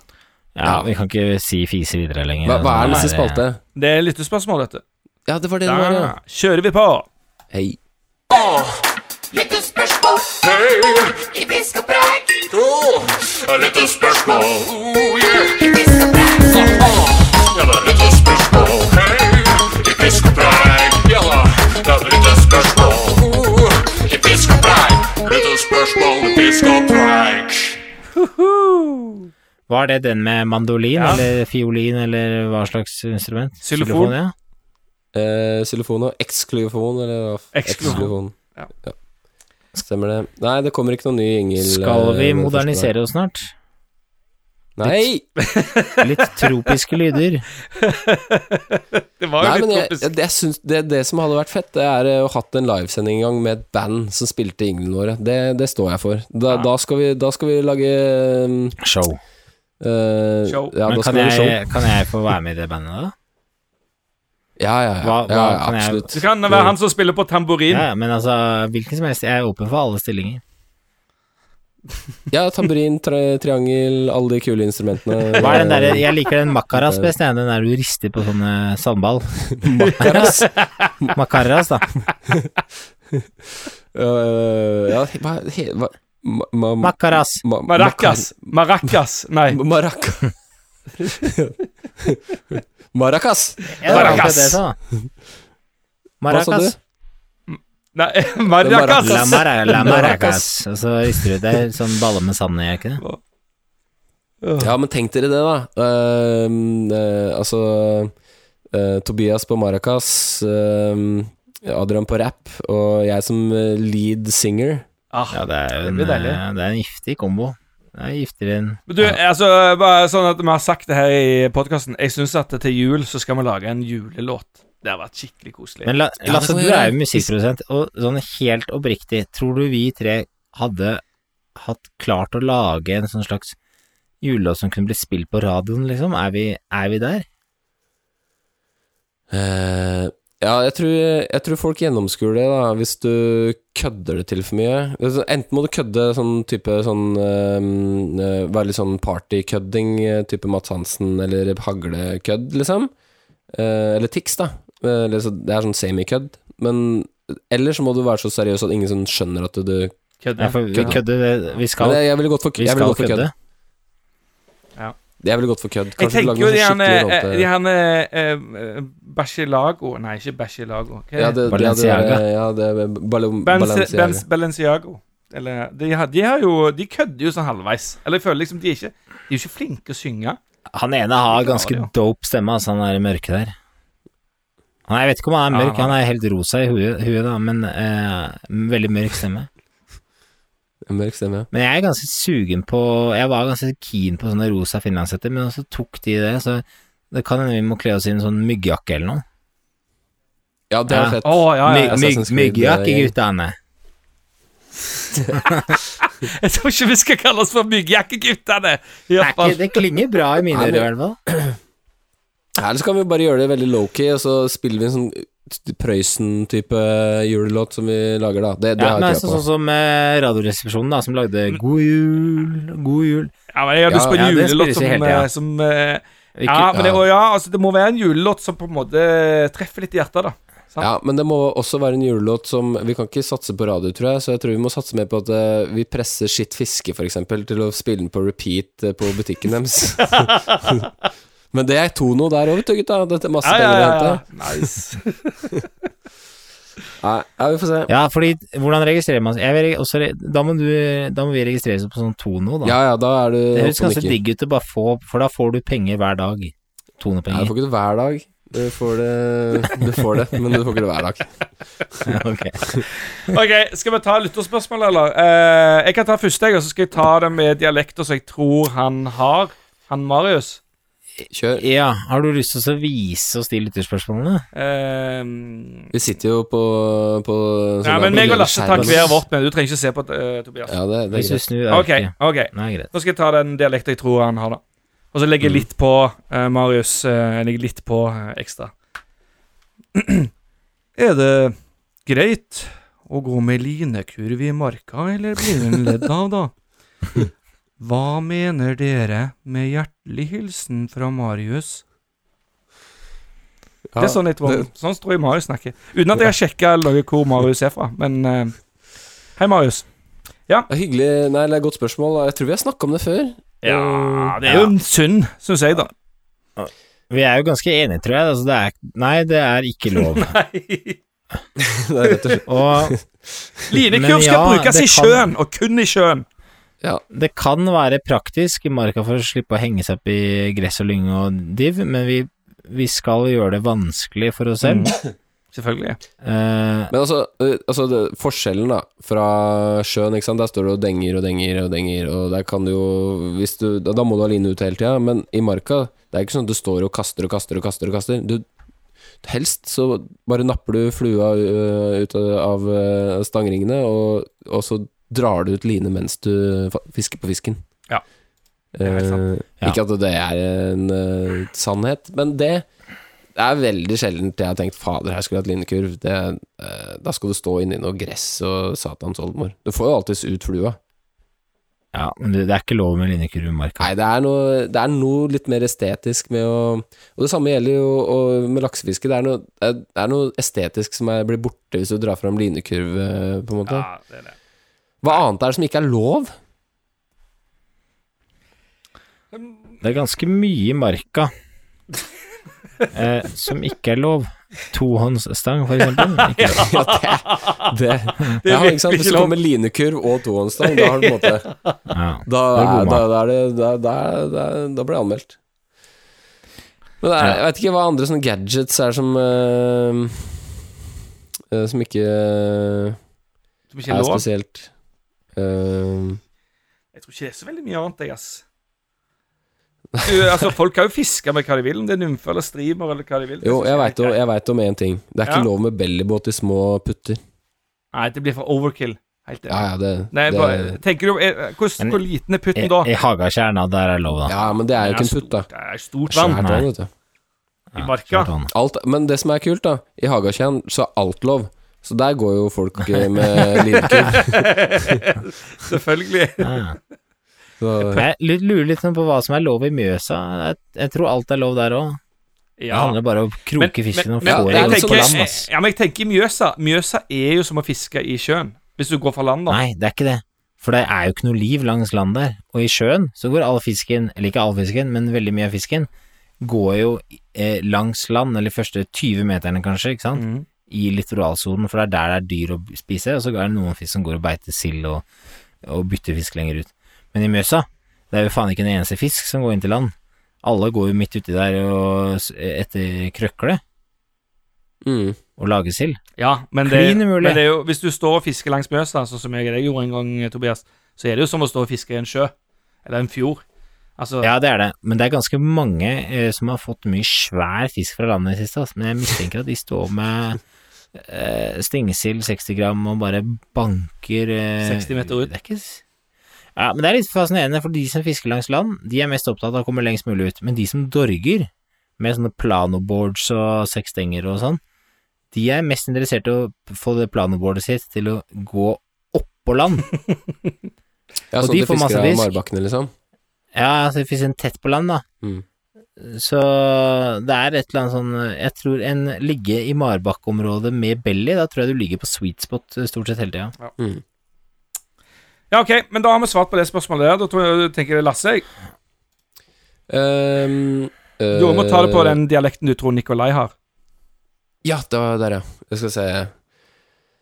I marka er det ofte litt vanskelig med baksleng. Kan dere gi noen deres beste tips eh, til kast med enhånds uten baksleng? Hvilken teknikk, noen spesielt utstyr, snøre som er å foretrekke til kast uten baksleng? Fra Nikolai. Det var en bra, jeg syns det var en bra dialekt. Jeg, jeg likte det. Hvor var den fra? I marka er det ofte litt vanskelig med baksleng. Han fisker i Sandnes. Nei, det er et sånn blandingsdialekt. Uh, Litt, litt sånn dialektforvirra. ja, det, er- det, Henger er- litt utpå det er typisk østlending som prøver seg på Sandnes-dialekt, vil jeg si. Østlending som har Østlending som har flytta til Jæren og fisker på Nei, men det er, Ja. eh, det er et godt spørsmål, det, for så vidt, da. Eh, Ja, det er da, det. da er det jo bare å lære seg eh, vannkast med en gang, syns jeg. Det er det. Men de, de, alle de der tullekastene der, de drukner jo for lua bare veldig eh, hardt. Nei, det er bare fordi du du ikke du behersker teknikken. Eh, det er eh, meget lett med en gang du har eh, funnet ut eh, hvordan du leverer kastet perfekt. Men det må jo sies at det er enkelte snører som passer bedre til dette enn andre. Altså, du må, Hvis du har en litt uh, tyngre klump, så er det jo lettere å speie uh, enn uten. Er litt eh, tyngre og litt kortere Ja, litt kort, kort og klumt, var det jeg mente. Ja, men også tyngre, for hvis du tenker deg Hvis du hadde stått med en uh, laksesetup, da, der får du på en måte prinsippet servert uh, veldig, da. Eh, for der kjenner du på en måte med en gang Ja, du, du, fysikken i det, da. Når du, når du legger lina ved siden av deg, og så skyter den ut. For da, da er det tyngden i lina som Og det er ikke så lett å, å, å, å måtte føle på det samme med en femmerline, da. For den er jo mye lettere. Det er bare 28 gram, eller hva faller det er for noe? Eller mange? 40, eller ja, Jeg husker ikke hvor mange gram en Hvor mange gram er en femmerline? Skal, det er noen regler på det? Eh, Eller Berlin, da? Jeg er ikke så opptatt av sånne regler, Men det er egentlig. 13 gram i klumpen. Ja, det er et eller annet sånt, ja. Det har ikke jeg. Jeg er ikke så veldig opptatt av det heller. De som er best på teori, er de dårligste til å fiske, gjerne. Mm. Det, det, det veit jeg ikke. Men eh, er det noe annet? Er det noen stenger som er bedre enn andre? Personlig altså, så driter jeg i de vannkastene, så går jeg rundt vannet. På andre sida så kaster jeg hele over. For jeg fisker kun long distance. Ja. Nei, men eh, For å være litt, eh, litt seriøs, da. Jeg, jeg, jeg øvde ganske mye en periode på det her, da. Jeg fikk litt sånn hangup på å lære meg å drive med speikasting. Jeg er ikke noe blitt noe god på det, men jeg liksom eh, får ut flua Får gjerne fiska hvis det er, ikke er baksleng, da. Hvis det, er, hvis, det er, hvis det er ei trang elv på åtte meter bredde, så får man jo ut et speikast nesten uansett. Ja da. Men det er alltid et, et, et, øh, Og det har jeg liksom erfart, da, øh, at jeg prøver alltid overhåndskast øh, først, eller hvis det er mulig, fordi det bråker alltid bitte litt mer med vannkast, og det er nok, kan være nok til å spuke det. Men hvis har Hvis det bare er et alternativ, da, og det er øh, det er øh, vannkast, så, så er helt klart det å foretrekke Eller å lære seg det, men Begynn Jeg vil egentlig bare si begynn med et, det snøret du bruker, eh, egentlig, for det, det er ikke sånn Altså, du kan kjøpe en line som er, er det. ja, liksom, ja, liksom, hva er det, da? Altså, noen, de, de som er gode, dem foretrekker lange klumper, eh, for da kommer du lengst. Og de som ikke er så gode, men mener at de er flinke, dem bruker korte og tunge klumper, for da er det lettest å få den ut. Ja. Uh, og, det, og det funker, det, men det er kanskje ikke så god overhåndskast. Men la oss si at du bruker bare sånn default-lina, sånn som presentation, jeg vet ikke om den fins lenger engang. Men uh, guideline presentation, det er helt Du kan komme deg ut helt fint med den eh, 10 meter, eh, 11-12 meter, liksom. Null stress. Ja. Uh, Jeg men- syns at linene i det siste har blitt Jeg vet ikke helt hvorfor, men bare Hver eneste line jeg tar i, den synker i tuppen. Ja, min Sliter min, min òg. Ja, jeg sliter med det samme. Etter en, en, etter en sesong jeg- så synker den i tuppen. En sesong. Jeg er jo fresh Altså, boks freshe liner da, synker jo som bare som stein.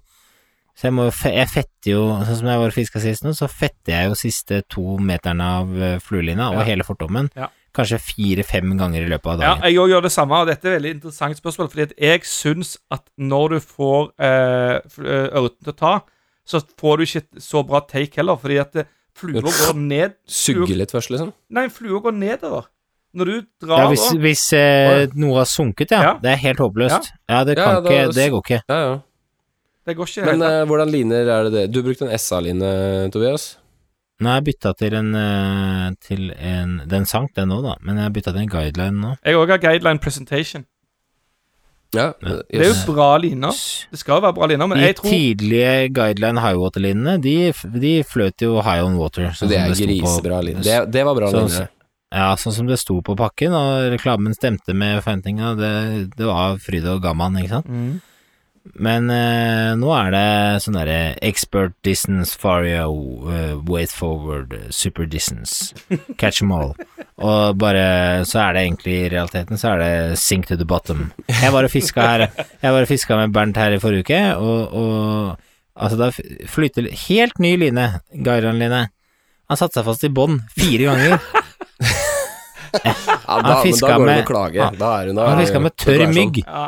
Men, men, Nei, sånn men eh, det, fin, fin fisk det på. jeg tror har skjedd med mine, det er jo at eh, jeg har vært borti mye stein eller, eller uh, greiner. Punktere lina, rett og slett. ja, at du liksom ødelegger er coatingen og at, uh, i, i tuppen, da.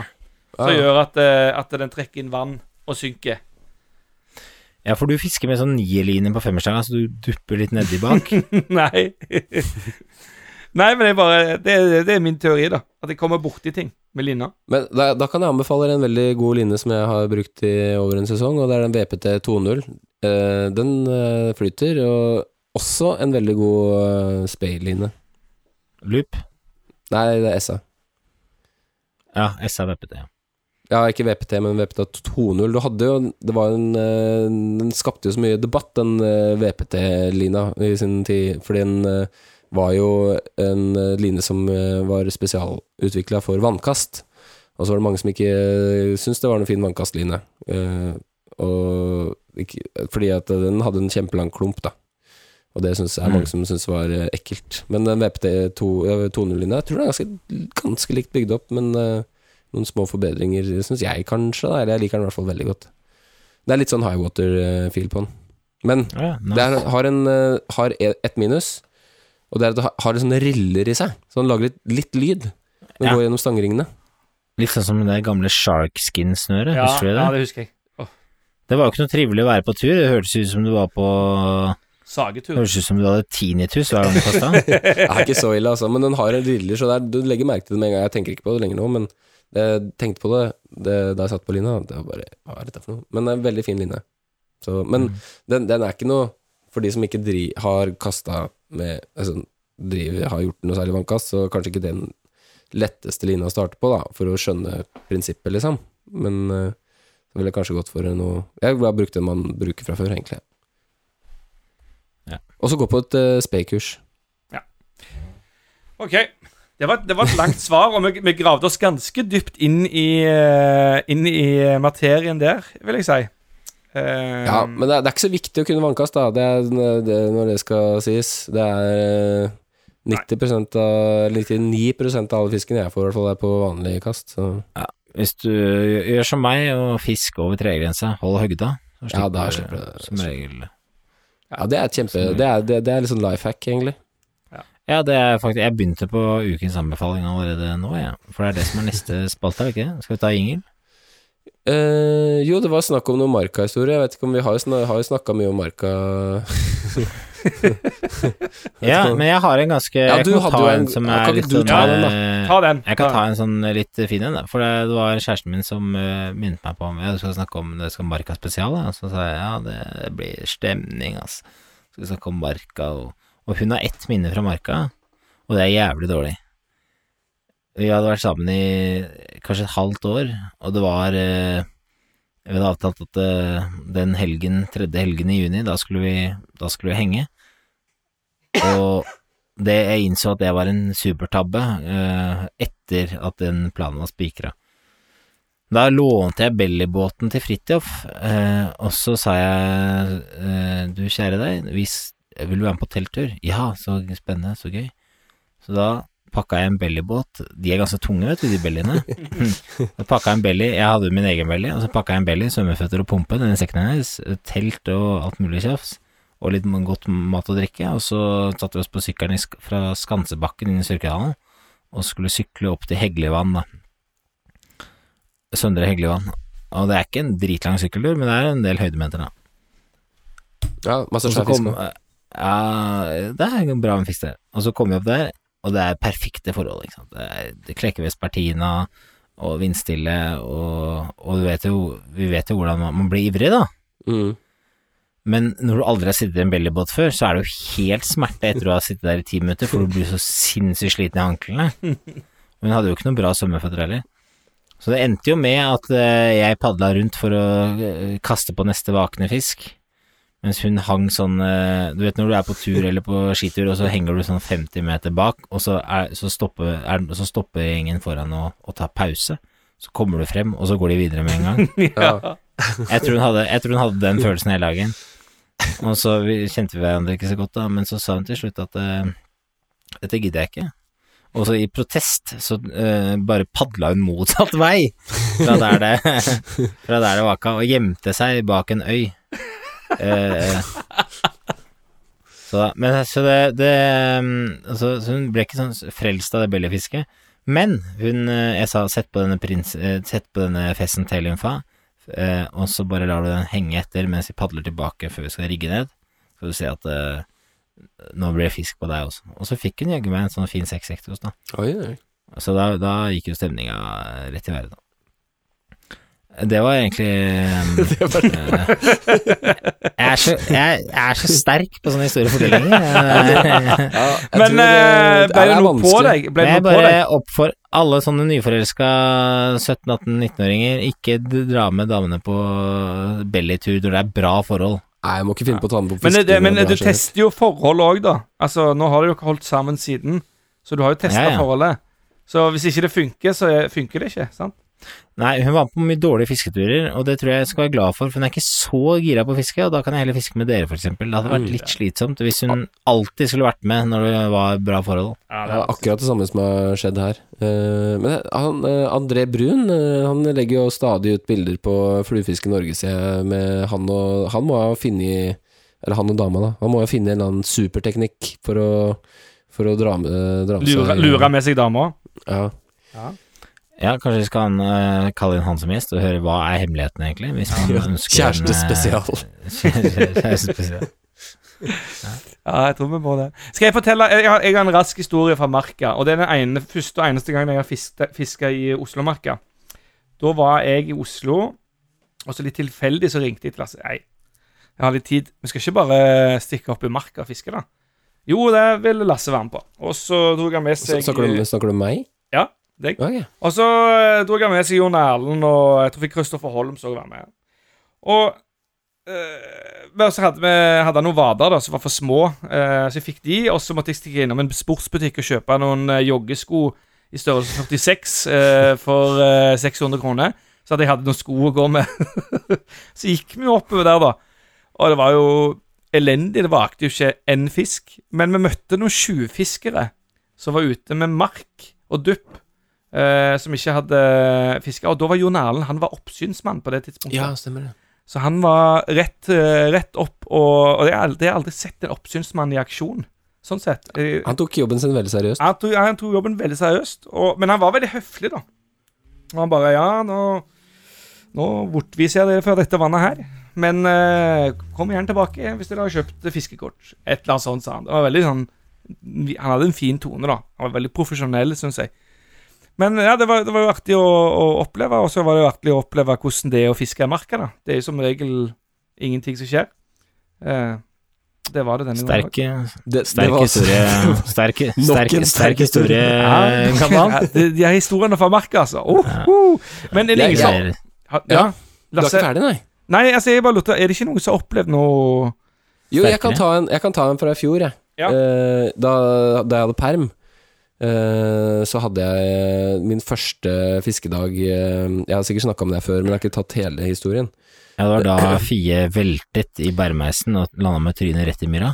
Yes, da satt jeg med en fisk på Jeg tror det er faktisk marka um, persen min, jeg. Den var vel Var den 1,7 eller 1,8? Uh, 1,8 tror jeg den var. Uh, I hvert fall uh, Den dagen var jo ganske vill, for da, da starta jeg Eller den timen, da. Starta med en fisk på 1,2, og så fikk jeg en på 1,7 eller 1,8, eller hva det var for noe. Samme fie, da, øh, i bæremeis. Og så måtte jeg bare dra, for da var på en måte tida brukt opp, og hun skulle ha melk og tjo og hei. Eh, og dagen etter så dro jeg opp til det samme vannet. Dro Alene? tidlig opp i var det Nei, da var jeg sammen med fetteren min, da. Okay, Ok, ja. Eh, Hadde ikke fie med deg. Nei, jeg hadde ikke fie med meg. Eh, men, ikke sant? Jeg hadde jo ringt til fetteren min da, og sagt du, nå har jeg fått jeg, Det var dritbra, Klekka Vespertina, knallbra. Eh, vi må bare har lyst jeg, har, jeg, har, mulighet i morgen, skal vi stikke opp? Og så blei fetteren min med, da. Og stakk tidlig, vi var der oppe sånn i nitida, tror jeg. og så sånn i elvedraget, da, så kommer det tre karer tuslende oppover. Og de, det er godt mulig de hører på podkasten, så nå får de høre hele sannheten, dem òg, så det er litt gøy. Ja, det er artig. Eh, og da og De var liksom sånn slukøra, bare Ja vel, dere her, ja, akkurat, ja. Uh, uh, ja Ja, så sier jeg ja, det er vi, det, men det skjer ingenting, da. Nei, det er, det er jo ikke så veldig bra her, egentlig. Vi bare stakk innom sånn på slump, vi, fordi ja, nei, vi er jo i nærheten, liksom. Og så sier jeg ja, ok, er det noe stor fisk her, eller? Ja, det var bra før. Det var bra før. Da, da var det svær fisk. Da fikk jeg Men nå er det, vi, det har dødd, liksom. Eh, Så jeg, nei, jeg har ikke vært der ennå, så jeg, jeg og jugde, jeg, så jeg har ikke vært der ennå, jeg, så jeg vet ikke, men jeg har ikke sett noen ting. Nei, han hadde vært der i går, da, bare for å ta en titt da, og da Det skjedde ingenting da heller. Eh, men det var på kvelden, da, så man skulle bare sjekke ut liksom på dagtid om det var noe Vespertina, da. Men poenget er at jeg hadde jo vært der dagen før, og da sprutklekka det jo Vespertina. så nei da, det endte med å gå, da. Og, så det var litt spesielt. Jeg må aldri stole på noen du møter i marka.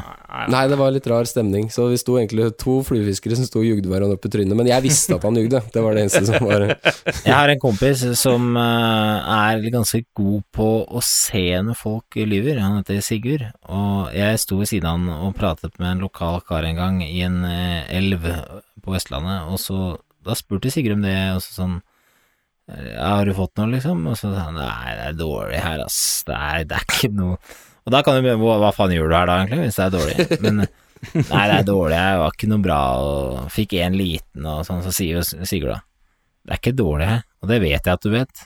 Hvor stor var den du fikk? Nei, Nei, en, en fire Ikke? Da, da plutselig da rant det ut av en fire, og så fikk jeg en på en seks, da. Så, altså, ja. Ja, Men, men, et eh, men, jeg, fikk jeg- en på to før i dag. Jeg har opplevd det samme sjøl, jeg, i, i, eh, i Hunderfossen, faktisk. Rett eh, Altså, i eh, Hva heter det I eh, Gudbrandsdalslågen. Helt nederst før han renner inn i eh, eh, I Mjøsa, da. Eh, eller rett, rett under Hunderfossen, da. Så står jeg der og fisker, og aldri fiska der før. Og eh, prøver meg fram, og så kommer det to fiskere der, to lokale. Nei, nei, nei, nei. må ikke stå der og fiske. Det er eh, dritdårlig plass. Du må, du må stelle deg, stelle deg litt eh, lenger borti her. Og så, ja, så gjør jeg jo det, da. Jeg hadde aldri fiska der, og de hørtes jo ut som de er proffe. Så går jo han ene da og stiller seg rett der jeg står, og bare begynner å fiske, da. Og bare sånn Ja, da lurte de, da lurte de meg, for å si det sånn. Og det var det bare å gå hjem, da. Eh, de hadde ikke De hadde funnet Jeg hadde tatt godplassen, og de ville bare tydeligvis ha den. Jeg skjønner ikke Sånn hvorfor dere gidder å utsette dere for sånne ting. For da, hvis, eh, hvis jeg ser folk, så gjemmer jeg meg. Slipper å møte dem. Eh, og hvis noen finner meg uten at jeg finner dem, så er, så er jeg plutselig ikke norsk lenger. Da er jeg fra eh, Da er jeg fra Romania eller noe sånt, og snakker i hvert fall ikke norsk. Og ikke ja, engelsk heller. Ja, det er triks. Så uh, no fiss, no fiss. No, no, no fizz. Det er No fint. fiss. Nei, nei, men kjempe, kjempefine historier her, gutter. Det, Ja, det- vi, vi, vi har eh, Vi har eh, historiefortellerens gave, hele gjengen, tror jeg. Ja, Det vi det. kan- Dessverre. Nei, skal vi, skal vi gå videre til ukas anbefaling, eller episodens anbefaling? Kjør. Ja, kjør. Fis på. Episodens anbefaling. Det, det er feil anbefaling. Vi har jo en mye Nå må du kjøre riktig anbefaling her. vi har jo mye lengre anbefaling. Ja, må har det, men den ligger ikke inne i lista mi. Nei, det gjør ikke noe. Nei. Lasse putter den på Nå, etterpå. ok, og nå er jeg ferdig. Anbefalingsjinglen, den er så bra! Eh, jeg vil faktisk anbefale Fisk og preik. Den er- slår an hver gang. Jeg tror faktisk den gangen her så skal jeg ikke klippe bort det vi prater Noen ganger så, så, så surrer vi bort i jinglene, og nå tror jeg faktisk eh, Siden det er Adrian som uh, surrer med England i dag, så skal jeg bare la den der gå. Ja, gjør det. Det er litt artig. Det. Ja, det er litt artig. Kjempegøy. Gjør det. Men jeg har jo denne òg. Ja, der har vi den. Jo, jeg har en anbefaling. Ha med snickers på tur. Fiskerusletur. Jeg skal anbefale et uh, nytt produkt. Og det eneste gode rådet jeg har til deg, det er å være sterk i trua. Franske bakvarer. Croissant. Jeg vil faktisk anbefale fisk og preik. Ja, jeg måtte, det måtte på plass, altså. Fordi eh, Hvis ikke så føler jeg ikke at jeg er i anbefalingsmodus. Nei, det Så- er det Men nå er jeg det. Nå er jeg Ja. det. Nå, nå er det bare å anbefale fisk og preik. Ja, er det det som du begynner, ingen- eller? Ja, Tobias, tenker jeg. Ja, Lasse, Ja, ok. Eh, Jeg har jo snakka varmt om Hagatjern. Jeg anbefaler det på det sterkeste. Folk bare komme dit. Det er helt topp. Det er svær fisk. Det er masse klekkinger. Det er helt topp. Eh, Det, det er Ja, for det er, det er godt sosialt samvær der òg, er det ikke det? Det er ganske spesielt, skjønner du, fordi det er eh, Jeg har aldri blitt liksom approacha så mange ganger av fluefiskere som jeg har blitt der noen gang. Det er litt sånn derre Men- Du føler folk liksom svømmer litt ekstra for å komme nærmere og liksom Halla, ja, går det bra, eller? Er, det- er det blitt noe på deg, eller? Er så du den bjessa som hoppa på sida her i stad? Jeg tror du ble satt ut eh, for en uke siden, men, eh, men Jeg vet ikke om man tar, da. Men den var så svær, da. Det Åh, jeg håper noen av de hører på podkasten, sånn at de Ja, jeg- Men, eh, men går det Går det sport i Hagatjern å ha størst svømmeføtte, f.eks., for, eksempel, for å padle fortest til Nei, fisken, jeg- eller er det god Jeg har stemning? sett, eh, jeg har sett eh, observert noe interessant, eh, og som jeg tenkte jøss, det der var ikke så dumt. Og det var en luring som hadde en bellybåt med årer. Det har jeg ikke sett før. Oi.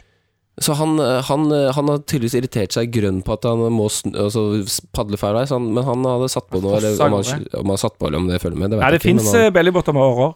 Ja, ja. Og så tenkte jeg bare ja, det der er ikke det dummeste jeg har sett. Så Men Lasse, det du må gjøre, det er å kjøpe deg sånn SUP-board. Sånn stand-up ja, det verste at det, for det går jækla mye fortere. det- er det folk med det Jeg der så to stykker, skjønner du, men de fiska ikke, da. De, de fiska ikke. Men jeg tenkte det er ikke det dummeste jeg har sett. Ja, jeg, Nei, men han ene, han ene guiden som vi hadde på New Zealand i 2014, eh, eller han, han guiden vi hadde på New Zealand i 2014, han driver og fisker fra sånn SUP. Ja.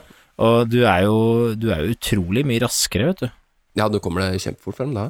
Ja, Men jeg vet ikke om jeg altså Jeg snakker ikke ned i Hagatjern, så det er, det er kjempefint. Det er veldig sånn low-key og deilig på, for de som ikke har De som er akkurat i min situasjon og ikke har så mye tid. Men øhm, jeg har en sånn litt seriøs anbefaling.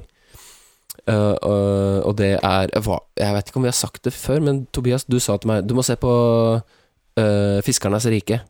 Med Fisk, ja. han ja, og Fiskeriket, heter det. øh, ja, fisk, ja, på norsk, ja, men Fiskernes rike heter han på svensk. Men han Lindén svensk, ja. Lind, hva heter han igjen? Nei, Martin Falkelin. Martin Falklin. Uh, og den uh, er så bra. Det er så uh, Det er liksom Den gjeddeepisoden der, eller innlandsgreiene Ja, det, hvis du er glad i gjedde, så, så kommer du til å kose deg.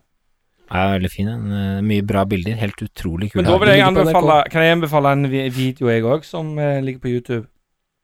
Eh, det er Rolf Nylinder sin nyeste pokal, tror jeg han heter.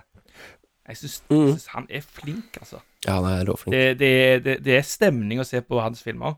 Det er skikkelig bra. Vi skulle hatt han som gjest. Ja, det skulle vi. Hvis noen av dere som hører på, kjenner Rolf, så si ifra.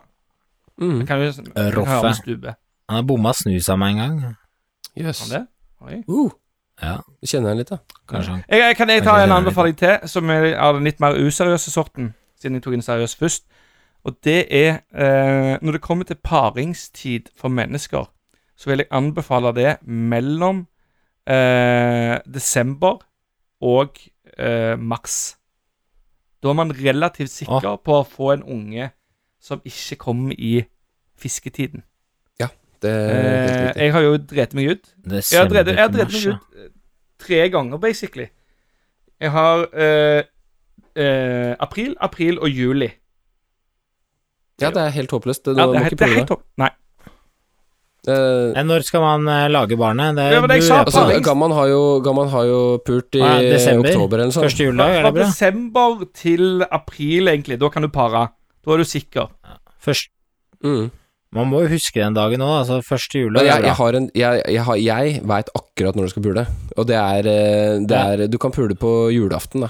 For Ja, at for da får du Hvis du kjører vanlig pappaperm Jeg, hadde perm, jeg, fikk, jeg begynte permen min midt i mai, Ja, det er perfekt. og da har du perm okay. hele mai. Eh, eller så hele ja, halvdelen hele mai, halve mai, hele juli, hele juni. Ja. Ja, ja.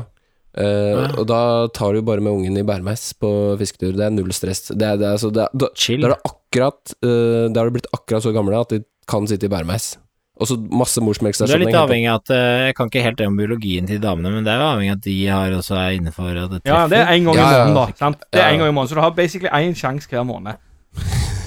En sjanse hver måned, Men hvis du begynner eh, Eller, eller, du, eller det, nå skal jeg forklare Nå skal jeg fortelle deg noe kult som er uh, Vi trenger ikke å ta Ja, men hele Dette er bare den fakta. eh, Det, det, dette er en grunn. Det er 49% jenter som blir født, og 51% gutter som blir født. Og grunnen til det Nei, det er motsatt. Nei, og grunnen til det er at eh, guttesædceller er litt grann lettere enn jentesædceller. Fordi guttesædceller de inneholder jo en, eh, en Y-kromoson, mens jenter de holder jo, inneholder X. sant? Og X-kromosonet det inneholder mye mer informasjon enn Y-kromosonet. Som gjør da at jentesædcellene er litt grann feitere og litt grann treigere til å svømme enn guttesædceller. Fun fact. Og det som òg eh, skjer, det er at eh, hvis du klarer å pøke akkurat på eggløsningsdagen, så har du større sjanse for å få gutt, fordi de sædcellene er raskere. Pøker du litt eh, før eller litt etter, så er det større sjanse for å få jenter, for de overlever litt lenger. Ja, der, der, Der fikk er- dere den. Men uh, han uh, Han der uh, kameraten min på Brøttum som er bonde, Bernt, han sier at eh, hvis du skal få gutt, så må du eh, eh, pløye jordet mot nord. Og hvis du får jente, så må du pløye jordet mot Hvor mange unger har han? Og det Hæ, han er ingen ennå, men jeg tar jeg på det, det opplegget der, altså. Men har du noe å si, ja? Ja. Nei, ja okay. Jeg har en anbefaling jeg også, helt til Mm. slutt, før vi Ja, avslutter, og det er å pumpe Bellien sin og sjøsette den på Mjøsa til helgen, så ikke jeg blir alene. Ja, kan ikke du starte, kan ikke du starte litt sånn Opprette litt event, da, så du kan Ja, møtes det var kult. Ja. Og folk kan skrive på Fisk, sånn, Preik sin, Fisk og Preik sine hjemme- eller Facebook-sider. Uh, så, så starter du en liten sånn get together der. Det Mm. kjempegøy. Ja, sånn derre Kanskje Lillehammer Bellyforening Ja. eller noe sånt? Ja, og hvis du gjør det, så kanskje jeg starter en liten sånn derre gathering på Hakatjern. Ja. Så kan det være sånn eh, Ja, det er eh, Da kan jeg kjøre en sånn trilletur eh, med barnevogn i Sandnes. Ja, det er, det nei, den podkasten er bra, ass. Det er Fader meg Det er, er høy kvalitet på det vi driver med. Ja, Helt klart. Nei, men jeg tror vi må sier takk for i dag. Og så eh, eh, takk til deg, lytter, som gadd å høre på fjaset vårt nok en gang. Mm. Det er ikke så lenge til neste episode. Den kommer Ja, og neste kommer episode så kan det være vi får en ganske eh, høy Eller en relativt høyprofilert gjest, skal jeg si. Ja, En sinnssykt eh, dyktig gjest. Ja. Så jeg er som da blir jeg litt overraska. Ja, jeg tror dere kommer til å bli overraska over hvilken gjest vi får neste gang. Hvis vi får den gjesten, da. da blir dere overraska. Takk for i dag. Ha det! Takk for i dag, ja. Ha det. Har du bidrag til oss i Fisk og preik, så send oss gjerne en mail på fiskpreik at gmail.com eller på våre Facebook-sider.